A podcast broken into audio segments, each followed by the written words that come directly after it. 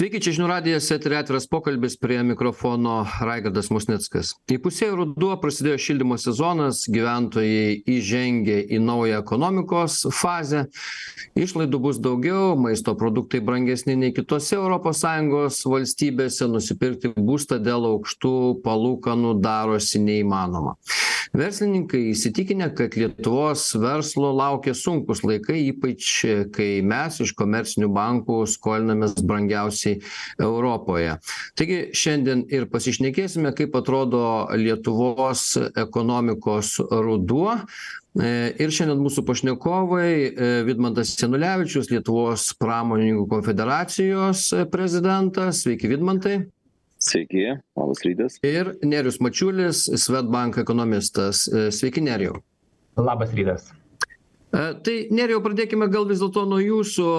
Šiandien interneto portaluose jūs sakote kad mes gyvename kaip niekad gerai. Na čia jūsų yra ne vienerių metų apžvalga apskritai lietuvos ekonomikos augimo pastarųjų dešimtmečių na turbūt toks pastebėjimas bet jeigu kalbėtume apie dabartį apie trumpą laikotarpį kuris vat dabar ruduo žiema pavasaris kokios perspektyvos ar taip pat gerai su tokiu pačiu pagreičiu ir toliau gyvensim E, tai turbūt labai sunku ginčytis iš tiesų, kad ilgo laikotarpio tendencijos yra labai teigiamos ir netgi išskirtinės.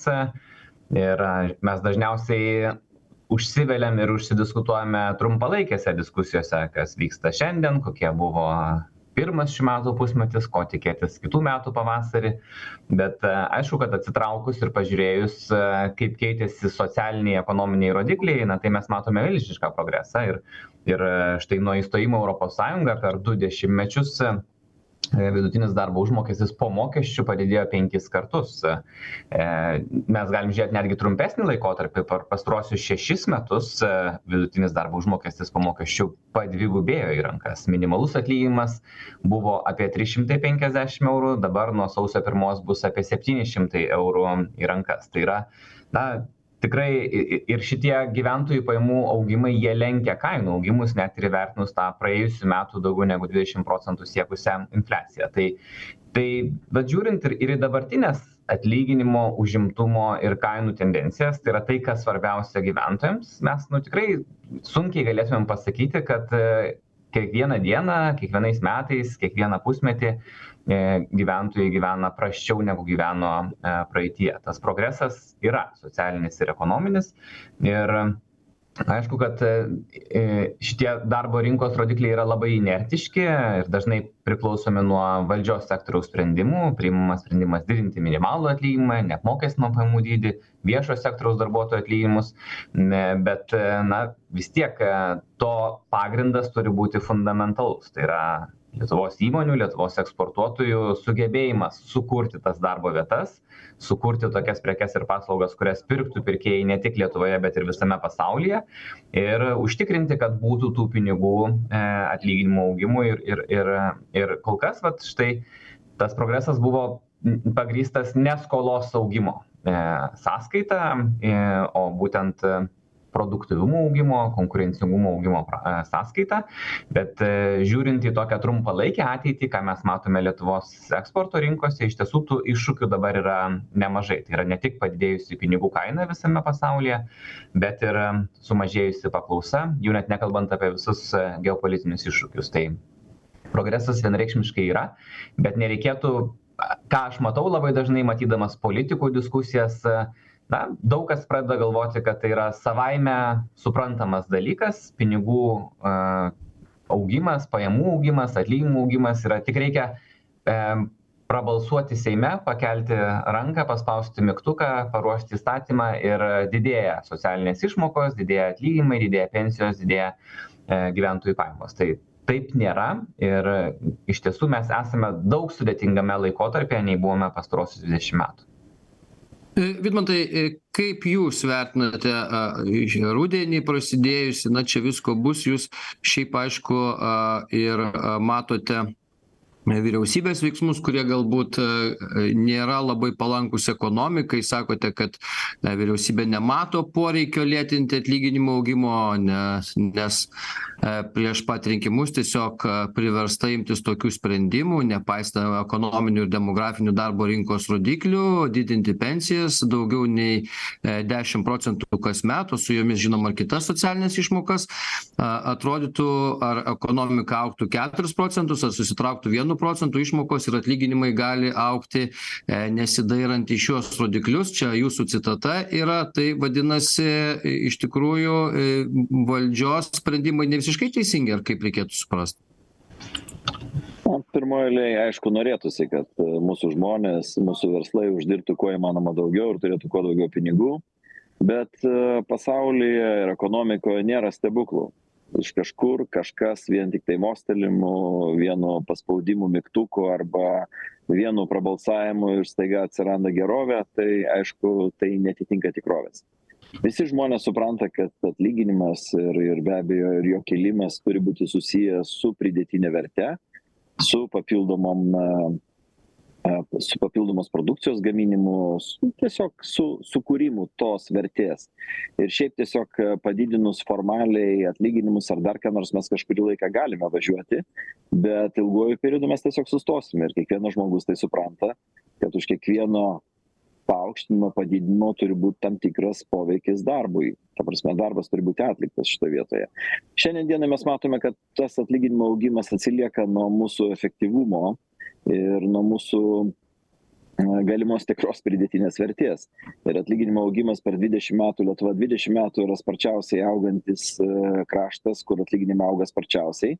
Tai nėra blogai ir mes džiaugiamės tuo bet be abejo reikėtų kad išlaikyti visą tą nuveiktą ir nueitą kelią kaip kalbėjo nerijus mums reikėtų šiandien dienai atsigręžti pasižiūrėti ir kad visgi mes dirbome tikrai sunkiai. Lietuvių tauta yra darbšti tauta verslas yra sumanus ir dėka tų visų rodiklių atėjo ekonominė gerovė. Tad kaip visada aš sakau kad socialinė gerovė ateina po ekonominės gerovės o ne atvirkščiai. Kad ekonominė gerovė ateina per socialinę gerovę. Tai dalinai susiję dalykai bet mes turime pradžiai padaryti įveiklinti ir tada gauti tą atlygį tai va tai iš esmės tai yra tai ką aš esu o tai reikštų kad vis dėlto valdžia na bent jau viešajam sektoriui ruošiasi keltis kelti algas ne ne nekreipdama dėmesio į tai kad na našumas nežinau ar kas rodikliai nėra tokie geri kaip turėtų kilti kaip kaip ruošiasi kelti algas ar kaip čia reikėtų vertinti? Viešasis sektorius jo raigardai viešasis sektorius mano manymu atsilieka dabar nuo privataus sektoriaus nes tos paslaugos ir galų gale vidutinis atlyginimas viešojo sektorio jis jau perlipo privačiojo sektoriaus atlyginimą jeigu mes imsime visos lietuvos mastu. Aišku didmiesčiuose gali būt kitaip bet šiandien dienai virš dviejų tūkstančių yra viešojo sektorio atlyginimas privataus sektorio atlyginimas yra berods tūkstantis devyni šimtai ten trisdešim ar keturiasdešims eurų ant popieriaus. Taigi noriu pasakyt kad viešasis sektorius tikrai pakankamai gauna šiandien dienai pinigų bet dėl jo efektyvumo aš sakyčiau tikrai yra dar nueiti yra ką padaryti ir nuveikti nes biurokratija o kaip pasverti vidmantai jo efektyvumą? Čia toks vat daiktas yra kuris viešųjų paslaugų viešųjų paslaugų kokybė greitis. Šiandien dienai su greičiu mes tikrai labai stipriai atsiliekame ir tai stabdo privatųjį verslą ir tai pats pigiausias dalykas ką mes galime padaryti tai pagreitinti pamažinti biurokratiją pagreitinti procesus ar mes kalbėtumėm apie statybas nesvarbu ko pastatų namų gyvenamųjų namų vėjo malūnų saulės baterijų. Ta prasme šiandien dienai vis tiek ta biurokratija yra didžiulė.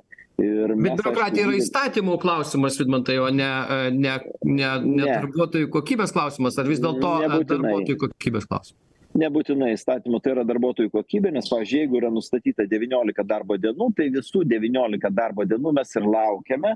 Tada paskutinį vakarą devynioliktą dieną įkrenta kokie nors pataisymai ir tu iš naujo eini kadangi statau dabar gamyklą tai lygiai taip pat žinau kas tai yra. Ir matau kad daugeliu atvejų visgi ta biurokratija yra tokia išsikerojusi ir būtinai reikia laukt tuos devyniolika dienų o jeigu patvirtins anksčiau tai kaip sako darbuotojai tada jie sulaukia reiškiasi iš spec tarnybų paklausimo kodėl jūs patvirtinot anksčiau negu devyniolika dienų?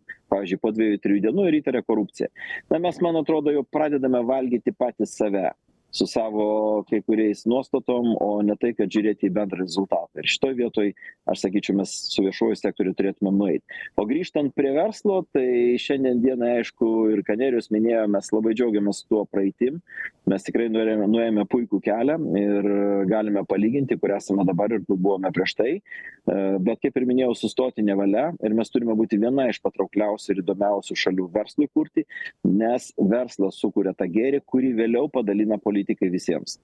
Taigi norisi pasakyti, kad mes turėtumėm turėti vienas iš palankiausių sąlygų. Kodėl? Ypač dabar, kai situacija yra sudėtinga geopolitinė prasme, Lietuva jau nėra tranzito šalis, iš ko mes turėjome, Lietuva turi vieną uostą ir ateityje pramonę ir o laikomės gerai dėka pramonės, dėka apdirbamosios pramonės, dėka paslaugų sektorių eksporto. Iš esmės laikomės gerai dėl eksporto ir tas eksportas gali būti ateityje net toks geras kaip buvo nes tiesiog mūsų konkurencinės sąlygos prastėja. Prastėja dėl tų pačių žaliavų tiekimo prastėja dėl galbūt pabrangusio atlyginimo ir neatitinkamai kylančio efektyvumo prastėja dėl to kad prieiga prie kapitalo brangsta prastėja dėl to kad papildomi mokesčiai yra vedami ir šiandien dienai visos šitos aplinkybės ir mūsų rinkos o mūsų rinkos yra europos sąjunga pagrinde ir pagrindinė tai dvi dvi kryptys tai yra šiaurės kryptis ir vidurio europos kryptis. Tai taip jau tiesiogiai kalbant apie šalis tai būtų vokietija ir skandinavija. Ten gėrio kol kas jokio nesimato tai mūsų eksportas šiandien dienai mažėja ir sakyčiau kad lyginant praeitus metus su šiais metais mes matome susitraukimą beveik šešiais procentiniais punktais. Imant tą patį periodą e, praeitų metų ir šių metų. Taigi kol kas džiaugtis nėra ko. Aišku lyginant su šių metų pradžia matome pagyvėjimą rugsėjo rugpjūčio rugsėjo mėnesį tas pagyvėjimas yra dėl ko galiu pasakyt irgi pagyvėjimas dėl to kad susikaupusios atsargos sandėliuose ir produkcija jinai buvo realizuojama. Ir tai rodo rodikliuose kad mes gauname tuos tuos pinigus bet metų gale tie rodikliai įmonių nebus tokie geri nes kaštų užaugo labai daug.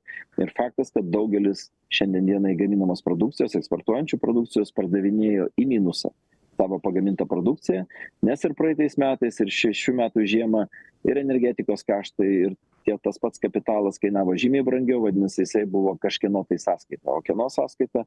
Šiuo atveju akcininkų e, investuotojų sąskaita. Dėl to į priekį matome tokius nelabai ramią žiemą ir pasikartosiu vėlgi energetikos ištekliai geopolitika ir prieiga prie kapitalo tai yra ko gero trys dalykai ir be abejo labai svarbu kad valdžios sprendimai būtų labai atitinkami nepabloginti šiandien esančią dabartinę situaciją. Ir gal paskutinį sakinį tada jau vėlgi reiškiasi globaliam reitinge pagal mokesčius pagal viską lietuva yra devinta. Atrodo tai nėra blogai bet kai pasižiūrėsi kas yra pirmoj antroj trečioj ketvirtoj penktoj vietoj tai yra mūsų konkurentės. Numeris vienas tai yra estija numeris du tai yra latvija tada yra rytų europos čekija tada šveicarija yra ir vienu žodžiu lietuva yra tik devinta. Tai mes konkuruojame šitame regione bet ne kažkur kitur kitame pasaulio gale. Ai prisiminiau man atrodo naujoji zelandija yra viena iš lyderių šitoj vietoj bet tai nėra mūsų konkurentas nes ji yra visai kitam žemyne. Bet kitos šalia esančios šalys yra šalia mūsų dėl to mes turim tokiu sudėtingu metu būt lygiai taip pat tokie patys konkurencingi kad pritraukti kapitalą kuris deja pastaruoju metu galbūt dėl geopolitikos nelabai aktyviai į lietuvą o netgi sakyčiau pradėjo trauktis iš lietuvos dėkui e, vidmantui janulevičiui dėkui nerijui mačiuliui. Kol kas padarom trumpą pertrauką po pertraukos pratęsim. Tęsiame atvirą pokalbį. Kaip atrodo lietuvos ekonomikos ruduo? Apie tai šiandien šnekamės e, ir tiesiogine ir perkeltine prasme. Ar čia atėjo ir ekonomikai ruduo po daugelio e, metų augimo? Ir apie tai apskritai koks bus šitas ruduo mums žiema ir galbūt pavasaris nes dar prasidėjus karui ukrainoje buvo prognozuojama kad pirmą žiemą mes kažkaip pragyvensim dar šiaip taip o antra gali būt sunkesnė. E, ir apie tai taip pat turbūt pasišnekėsime. Nerijus mačiulis swedbank ekonomistas ir vidmantas janulevičius lietuvos pramonininkų federacijos prezidentas šiandien mūsų pašnekovai.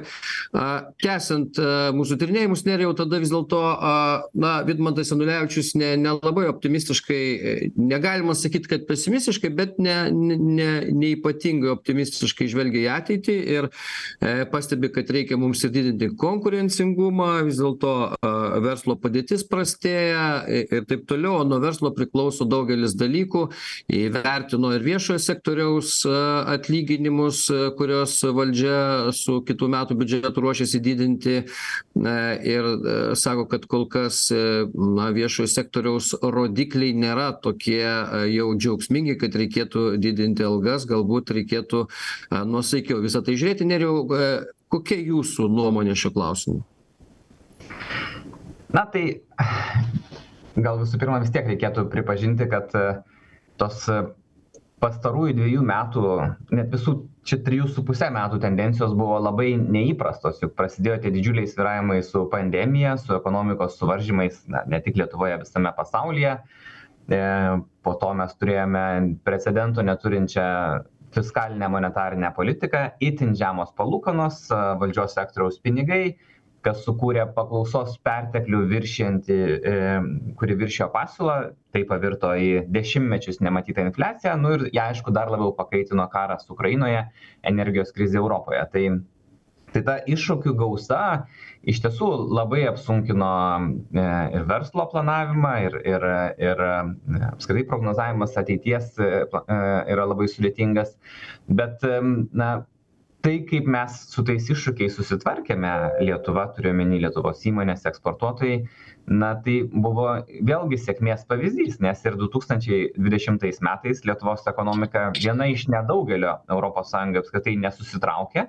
Taip pat ir prasidėjus karui ukrainoje be jokios abejonės prognozės buvo labai niūrios nes mūsų priklausomybė nuo rytų rinkų buvo didesnė negu kitų europos sąjungos šalių bet ir čia matome na verslas greitai sugebėjo prisitaikyti rasti alternatyvius žalių tieki tiekėjus prisitaikė tiekimo grandines net ir ta virš dvidešimties procentų infliacija na ji neturėjo labai didelės neigiamos įtakos gyventojų vartojimui. Matome vartojimas išlieka panašiame lygyje kuriame jisai buvo du tūkstančiai dvidešim antrais metais dvidešim antrų metų pradžioje. Tai nėra tokio didelio kritimo. Tai tas ekonomikos ruduo na mes matome ekonomikos atvėsimą nebėra to klestėjimo kuris čia buvo pastaruosius kelerius metus pastarąjį dešimtmetį.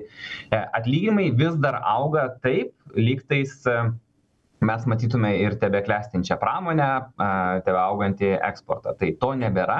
Ir aišku turi koreguotis ir lūkesčiai. Dabar man atrodo ir profesinių sąjungų ir viešo sektoriaus ir daugelio darbuotojų startinė pozicija derybinė yra na turi didėti atlyginimai bent dešim procentų o po to jau dabar kalbėkimės kiek kaip čia turėtų būt. Tai tai to nebėra ir iš tiesų pastaruosius šešerius metus kiekvienais metais vidutinis darbo užmokestis ir didėjo apie dešim procentų kai kuriais metais minimalus net didėjo penkiolika procentų dėl to jisai ir padvigubėjo per šešis metus bet tokių galimybių bus vis mažiau. Ir ir čia vat valdžios sektoriaus sprendimai aišku aš puikiai suprantu kitais metais yra treji rinkimai ir visų partijų atstovai tarpusavyje konkuruoja ką pasiūlyti daugiau.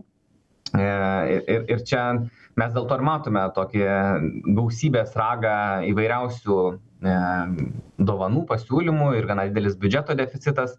Ir aišku kad opozicija siūlo dar daugiau ir ir ir prašo bet jau nepasiūlys niekas nieko daugiau žinant konservatorius tai ten tiesą sakant jau matyt jau kad niekur daugiau nieko nebepasiūlys arba bus griežtai reikalaujama nurodyti šaltinius o šaltinių greičiausiai niekas nenurodys. Net vakarykščiai prezidento siūlymai kurie buvo npd didinti šeimoms turinčioms vaikų panašu kad nepraeis pro seimą na bent jau taip atrodė iš finansų ministrės vakar šnekėjimų kad keturiasdešim penkiasdešim milijonų kuriuos reikėtų rasti nelabai atsiras turbūt greičiausiai ne šitiems dalykams. Tai tai jau kas viskas sugalvota greičiausiai ir bus palikta taip kaip yra bet ten numatytas ir atlyginimų augimas ir pensijos ir ir išmokos įvairiausios ir tie patys vaiko pinigai viskas ten yra.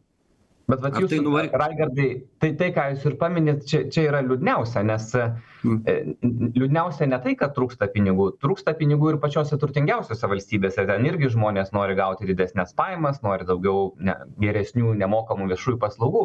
Bet mes matome štai iš visų valstybės institucijų ateinančius tokius pasiūlymus pageidavimus dar kažkur padidint. Nors nors man atrodo visi supranta kad pinigai ant medžių neauga. Mes jau esame pasiekę lubas kiek galime skolintis kitais metais. Tai yra vis tiek yra įsipareigojimai neturėti didesnio negu tris procentus siekiančio 3 procentus BVP siekiančio biudžeto deficito, reikės skolintis daugiau negu 2 milijardus eurų ir taip jau mes išleisime ir, ir viešo sektoriaus darbuotojų atlyginimams, ir socialiniai apsaugai, ir investicijoms tų pinigų, kurių neturime. Tai na, dar ateinantis tokie paraginimai, paieškokit pinigų, tai nu, kiekvienas turbūt rinkėjus gerbintis politikas, nešantis tokius pasiūlymus į Seimą ar į vyriausybę, turėtų pasakyti, iš kur tos paimti pinigus. Jeigu jūs norite sukurti papildomą mokestinę lengvatą šeimoms, ačiū už pasiūlymą, tą tikrai ne, nenuliūščiau dėl to, bet,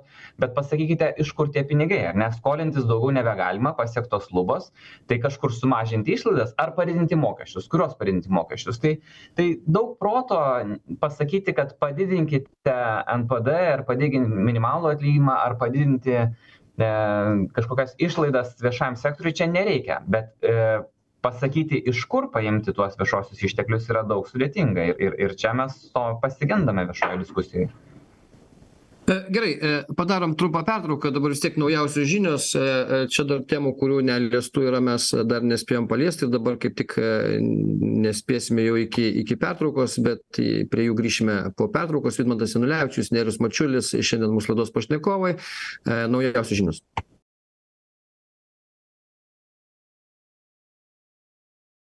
tęsiame atvirą pokalbį kaip atrodo lietuvos ekonomikos ruduo apie tai šiandien šnekamės. Vidmantas janulevičius pramonininkų federacijos vadovas ir nerijus mačiulis swedbank ekonomistas su mumis šiandien laidoje nuotoliu.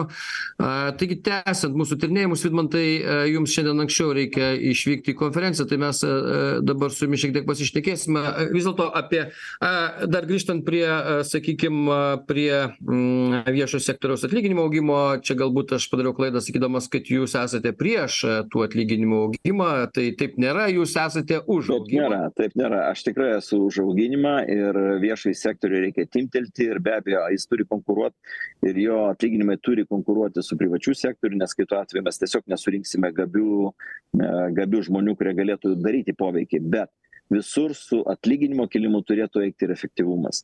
Efektyvumas našumas ir dažnai šiandien dienai mes paskęstame tarp tų visų biurokratinių popieristinių kliūčių ir mes tiesiog neleidžiam vystytis privačiam verslui taip greitai kaip norėtųsi. O tai jeigu gal pakeltumėt dvigubai atlyginimus vidmantai jiems tai gal jums ne per devyniolika dienų tada dokumentus tvarkyt o per savaitę aš manau pradžiai reikia bendros sąvokos apie tai kad verslas kuria tą pridėtinę vertę ir nuo jo sėkmės priklauso valstybės valstybės gerovė. Ir vat mes turim pakeisti šį naratyvą iš esmės kuris ilgą laiką buvo formuojamas kad politikai keria kuria gerovę o iš kur ateina pinigai tiesiog yra nutylima nes politikai pasikartosiu tik perskirsto tuos dalykus.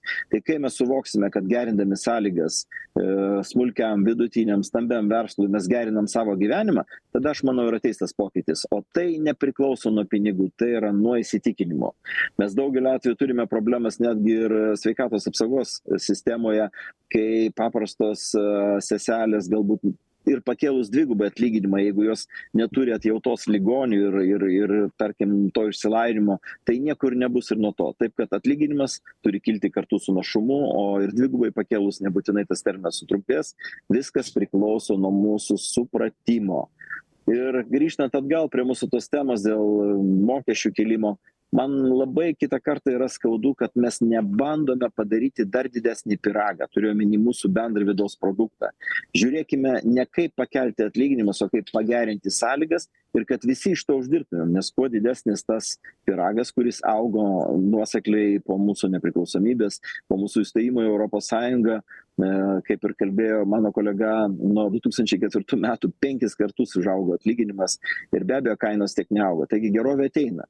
Bet padarykime kad būtų dar geriau mums visiems gyvent. O ką reikia padaryti vidmantai? Ką čia gali padaryt? Aš kaip ir sakau reikia tiesiog elementarius dalykus e, paprastinti paprastinti laiką skiriamą skaitmenizavimo pagalba paprastinti tiesiog sisteminius dalykus kad nereikėtų tarkim kiekvieną kartą ieškoti laukti kreiptis dar kartą kreiptis kad tas supratimas būtų bendras visų kad mes kūrėme visi bendrą gėrį nes dažnai irgi žiūrint į viešuosius pirkimus bylinėjimai bylė bylinėjimaisi tęsiasi du tris keturis penkis metus. Ir kas iš to laimi? Mes tiktai prarandam laiką ir prarandam pinigus. Galbūt kažkas iš to uždirba bet iš tikrųjų pati ekonomika gerovė nejuda į priekį. Taigi reikia paprastint daugelį dalykų nes tik pasikartosiu. Lyginant dabar jau europos sąjungą ir jungtines amerikos valstijas dar septynioliktais šešioliktais metais mūsų bvp skyrėsi ten nežinau aštuonis dešim procentinių punktų. Šiandien dienai jisai skiriasi keturiasdešim procentinių punktų. Per praeitus porą metų investicijos europoje sumažėjo dviem trečdaliais.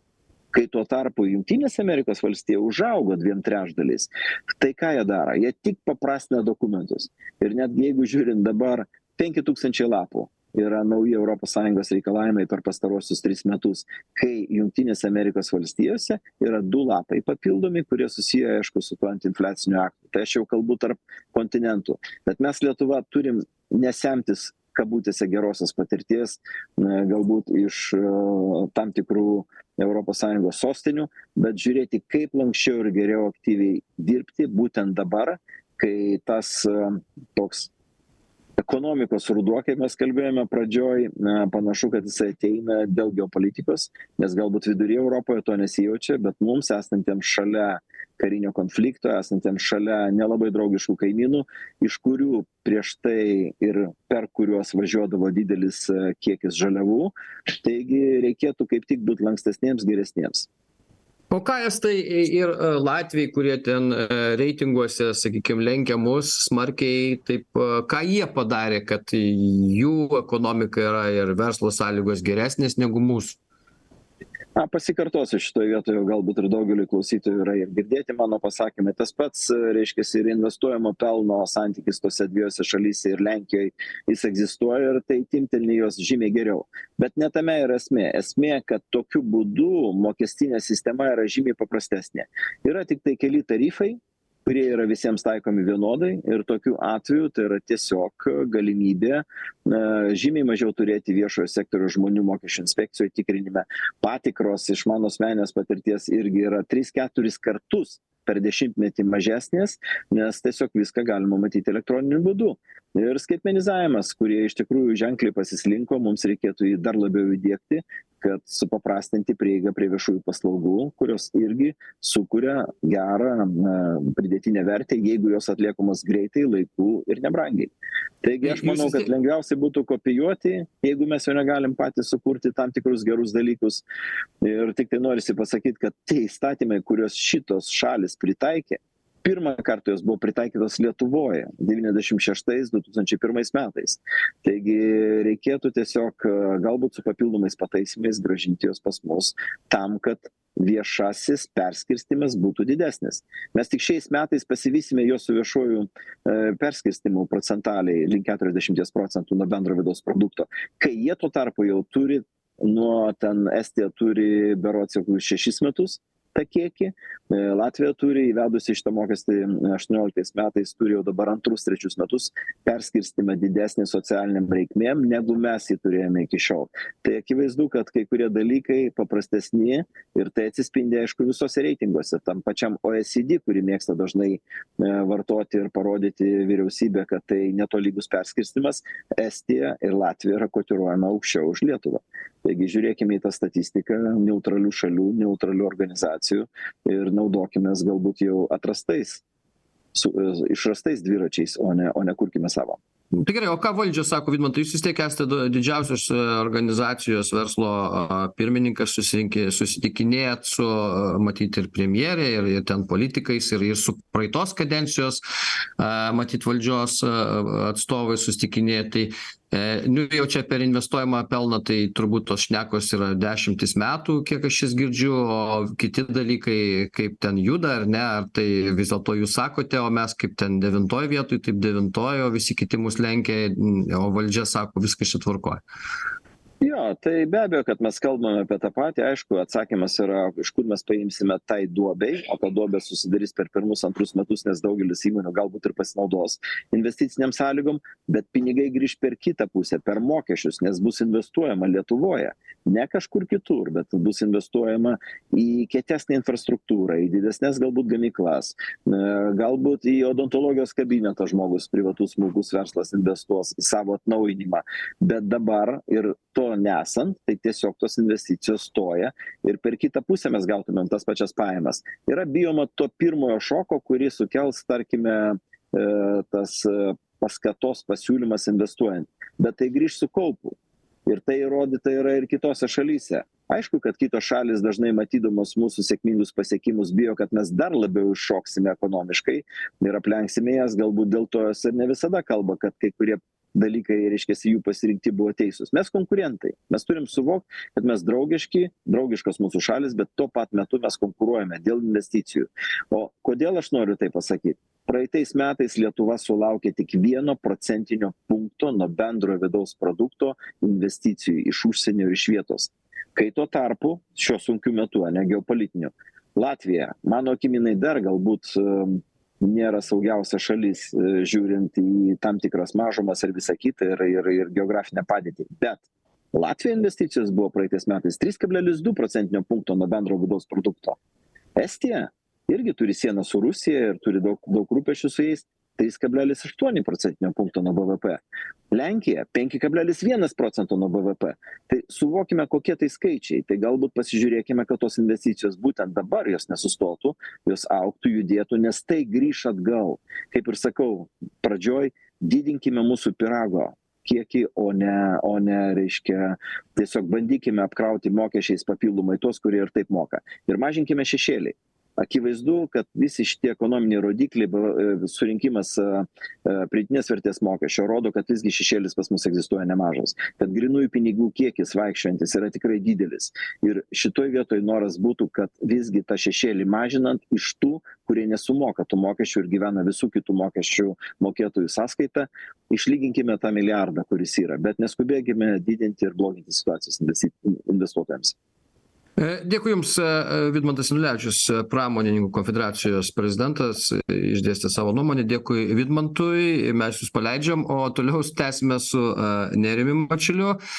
Nerijau dar vienas labai svarbus aspektas mūsų gyvenimui tai yra vis dėlto ruduo ir su juo susiję visi ten šildymai energetikos kainos visa kita. Kaip jūs matote mums šią žiemą pavyks praslysti kaip nors na taip jau be didelių rūpesčių iš to ką žada valdžia iš to kiek pinigų žmonės turi iš to kokios algos ir visa kita labai prislėgs. Kaip galvojat šitas ruduo ar žiema?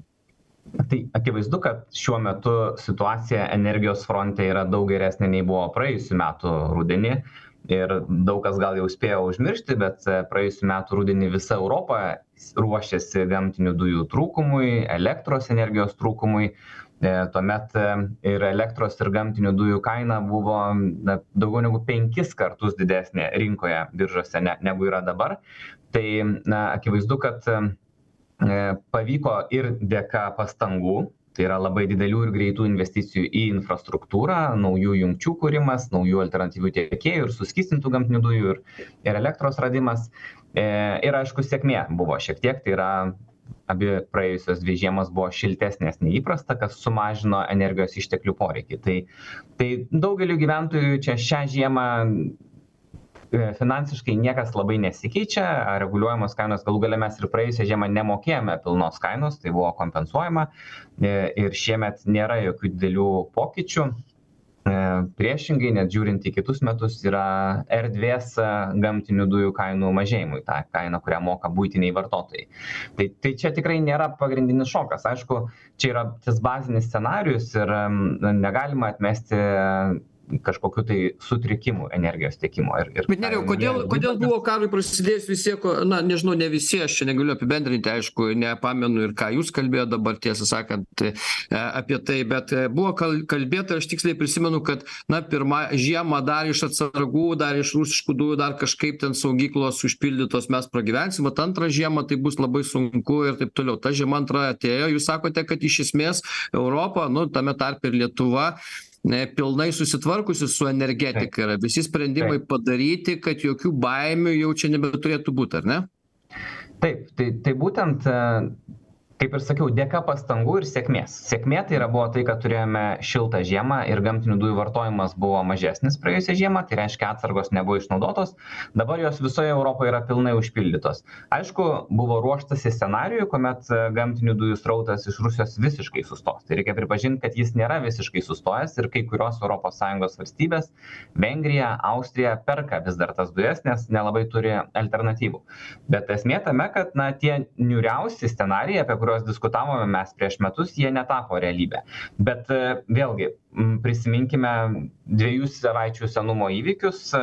Gamtinių dujų nauja jungtis tarp suomijos ir estijos yra na nutraukiama jos remontas užtruks visą žiemą praktiškai. Tai tokie sabotažai tokie išpuoliai prieš kritinę energijos infrastruktūrą yra viena iš pagrindinių rizikų.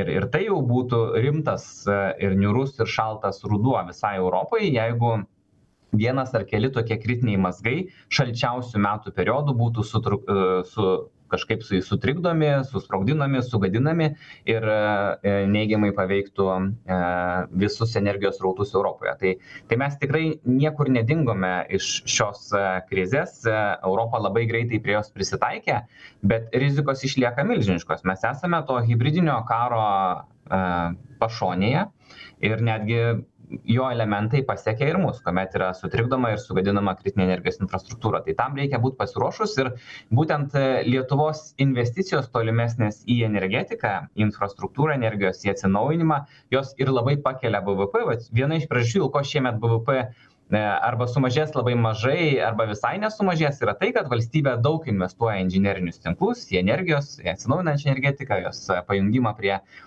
viso elektros tinklo. Tai taip galbūt kažkokioms išorinėms jėgoms ir ne lietuvos interesus atstovaujantiems atrodo kad čia nereikalingos tos investicijos bet jos ne tiktai ir sukuria bvp sukuria darbo vietas bet jos aišku ir užtikrina kad mes esame turime labiau diversifikuoti energijos tiekimą ir neatsidursime tokioj situacijoj kurioj buvom praėjusių metų rudenį kai buvo diskutuojama kokia čia temperatūra bus mūsų namie ar nereikės miegoti su paltais ir taip toliau. Bet bet nerijau vis tiek čia svarbus klausimas yra turbūt tai ką jūs sakot yra ir ir svarbu ir ir džiaugsminga kad čia su energetika kol kas tvarkoj bet bet jūs pats sakėte kad aišku kainos ten karo metu buvo pašokusios per pirmus metus kelis kartus penkis ar ten nežinau kiek. Ir ir vat kai dabar tarsi mes susitvarkėm tos kainos nei dujų bent jau vartotojams tiesioginiams negrįžta į tai kas buvo nei elektros negrįžta į tuos gražius vienuolika centų kur buvo ir ir jau turbūt nebegrįš kaip aš suprantu tai visų pirma reikia turėt omeny kad mes praėjusiais metais nemokėjome rinkos kainos tai yra valstybė įjungė įvairiausius kompensacinius mechanizmus tai dėl to nematėme kainų šuolio dabar nematome ir kainų kritimo. Kitas svarbus aspektas na visa europa taip pat ir lietuva apsidraudė nuo tų netikėtumų. Mes nežinojome kokia bus ar šilta ar šalta žiema nežinojome kokie bus kokios alternatyvos bus nusipirkti pigesnes ar pigesnes gamtines dujas. Tai daug valstybių per išankstinius sandorius pirko tas brangias dujas ir šiai žiemai. Tai yra na mes esame nusipirkę gamtinių dujų ir ne už mažiausią kainą kuri yra dabartinėj rinkoj tai na tai tiesiog buvo apsidraudimas kuomet buvo pirmas kriterijus tiesiog turėti tų gamtinių dujų iš kurių mes galėtumėm šildyti namus ir kurie kurios yra naudojamos pramonėj mes baimės kainą mokam tokią ar ne dabar taip. savotiškai? Na tai yra apsidraudimas nuo kainų svyravimų. Tai tai vat vat jau bet žiūrint į kitus metus yra labai tikėtina kad mes turėsime pigesnę energiją. Čia aišku su sąlyga kad nebus tų sabotažo išpuolių prieš kritinę energijos infrastruktūrą tai nerijau trumpai tada vis tiek jau mes čia prie pabaigos esam kaip prognozuojat šitą na rudenį vis tiek bendrai kaip suprantu a a optimizmo vis tiek jūsų širdyje daugiau negu pesimizmo kaip suprantu. Lietuviai irgi šiaip optimistiškai kažkaip tai žiūri į visa tai. Aš kai prognozuoju tai stengiuosi neturėt jokių emocijų nei optimizmo nei pesimizmo o žiūrėt tiktai objektyvius faktus ir ir daryti tiksliausias įmanomas prielaidas turint tą informaciją kurią mes turime. Tai tai iš tiesų matant lietuvos gyventojų lūkesčius matant eksporto užsakymų lygį na nevyksta nieko dramatiško lietuvos ekonomikoj ir iš tiesų dabartinė situacija yra tokia na lengva stagnacija stabilizacija ir ir lyginant pavyzdžiui su estijos ekonomika kur jau antrus metus tęsiasi nuosmukis lūkesčiai yra žemesniame lygyje negu buvo pandemijos pradžioj mes esame labai neblogoj situacijoj. Ir ir ką kas nustebino iš tiesų tai lietuvos ir pramonės ir eksportuotojų atsparumas. Šiuo metu lietuvos apdirbamoji gamyba yra maždaug trisdešim procentų didesnė nei buvo du tūkstančiai dvidešimtųjų metų pradžioje prieš pandemiją. E, vokietijos pramonės apimtys yra nukritęs į nukritę į žemiausią lygį per dešimtmetį. Estijos yra nukritę į žemiausią lygį nuo du tūkstančiai aštuonioliktų metų. Tai tai vat mes nepaisant to kad čia taip ir ir vidmantas janulevičius ir mes vardinam įvairiausias problemas ir iššūkius kol kas status quo dabartinė situacija lietuvos ekonominė lietuvos konkurencingumas mes nesame tokioj situacijoj kur turėtumėm ruoštis kažkokiai labai sudėtingai žiemai. Bet čia reikia turėt omeny kad mūsų priklausomybė nuo eksporto yra milžiniška ir e, eksporto rinkos yra nuosmukyje ir greta to aišku yra visi tie geopolitiniai iššūkiai. Aš aš pavyzdžiui nesu labai optimistiškai nusiteikęs kai žiūriu į tą faktą kad e, kitų metų biudžete beveik rusijos biudžete beveik keturiasdešim procentų visų išlaidų kam skirs rusija? Ne socialinei apsaugai ne investicijoms ne atlyginimams o karo pramonei tai yra karui ne jie vadina ten įvairiai gynybai nacionaliniam saugumui bet iš esmės karo finansavimui. Didžiausias išlaidos istorijoj. Tai nu tai žiūrint į tokią statistiką mes matom kad mes pašonėje turime milžinišką problemą kuri niekur nedings nedings e, ir kitais metais. Tai tai tai vat ir tų ekonominių ir geopolitinių iššūkių yra labai daug ir šitam kontekste vat norisi aišku apie ką ir kalbėjome pirmoje laidos dalyje kad e, politikai nu neužmirštų tų iššūkių ir labai objektyviai vertintų tą e, išorinę aplinką o ne tiktai konkuruotų tarpusavyje kas pasiūlys daugiau pinigų kurių nėra. Dėkui nerijau. Nerijus mačiulis swedbank ekonomistas e, ir vidmantas janulevičius šiandien buvo atviro pokalbio pašnekovai. Dėkui visiems kas klausėsi. Iki kitų kartų